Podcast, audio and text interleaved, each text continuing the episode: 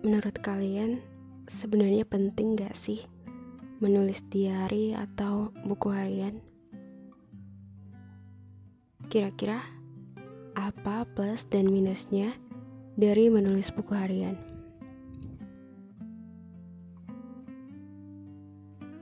Dulu waktu masih zaman SD, aku termasuk orang yang paling sering nulis buku harian. Hampir tiap hari dan itu lumayan menyenangkan bagiku. Apalagi pas nulis tentang mimpi-mimpiku, cita-cita, dan tempat-tempat yang ingin aku kunjungi. Rasanya menyenangkan karena saat aku menulis, aku sambil membayangkan kalau aku sudah mencapai apa yang aku cita-citakan dan sudah mencapai apa yang aku impikan. Aku juga membayangkan kalau aku sudah sampai di tempat-tempat yang ingin aku kunjungi. Sebagai anak kecil, aku yang termasuk pelintan soal cita-cita. Cita-citaku bisa berubah tergantung dari apa yang aku nonton, dari apa yang aku baca, dan dari apa yang aku lihat. Kalau lagi suka sama satu pelajaran di sekolah, aku langsung bercita-cita ingin jadi guru, misalnya guru bahasa Inggris. Kalau lagi nonton film superhero, aku langsung bercita-cita ingin jadi superhero juga. Kalau lagi lihat bu dokter yang cantik, otomatis cita-citaku langsung berubah menjadi dokter. Dan pas lagi belajar tentang space atau luar angkasa, cita-citaku berubah menjadi astronot. Dan semua hal itu aku tulis dalam buku harianku. Aku ingat dulu, aku sering nyari gambar yang ingin aku tempel di buku harianku. Waktu itu pas aku bercita-cita ingin jadi uh, astronot, aku sampai gunting gambar luar angkasa yang ada di buku pelajaran untuk ditempel di buku harianku. Tapi ada satu momen yang membuat aku berhenti untuk menulis buku harian selama bertahun-tahun. Sebenarnya ini ceritanya konyol banget.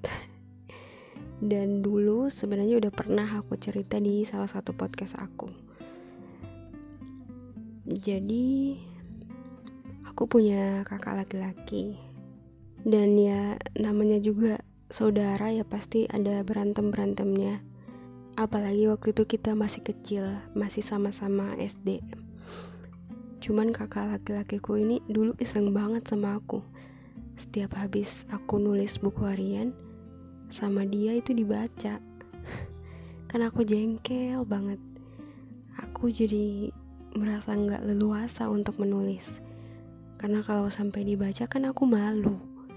Jadi aku berusaha nyembunyiin buku harianku tapi tetap aja didapat sama dia. Ah, aku nggak tahu gimana sampai dia dapat. Padahal aku udah sembunyiin di tempat paling tersembunyi. Sampai suatu hari aku kejar-kejaran sama kakakku di dalam rumah sampai di halaman rumah. Hanya gara-gara dia nggak mau balikin buku harianku.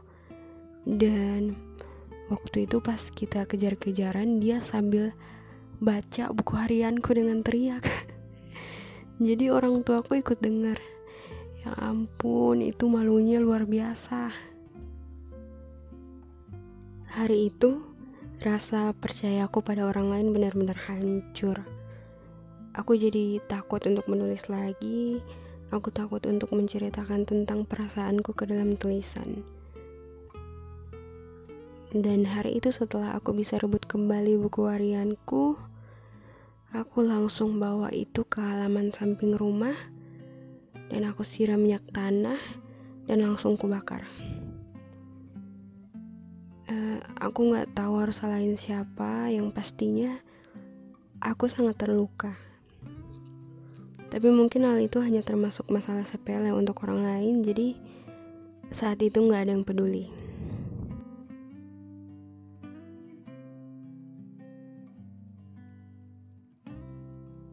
Bertahun-tahun aku tidak berani untuk menulis lagi, menulis buku harian lagi, sampai pas masuk kuliah di semester awal.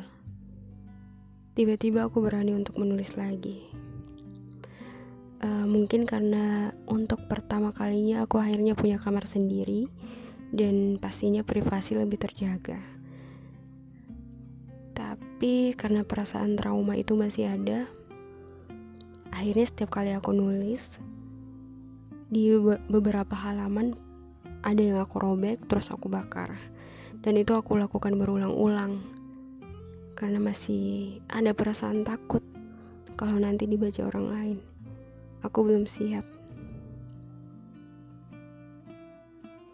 terus tiga tahun belakangan ini aku mulai rajin membuat jurnal harian yang isinya hanya ada rencana, target, dan juga jadwal harianku.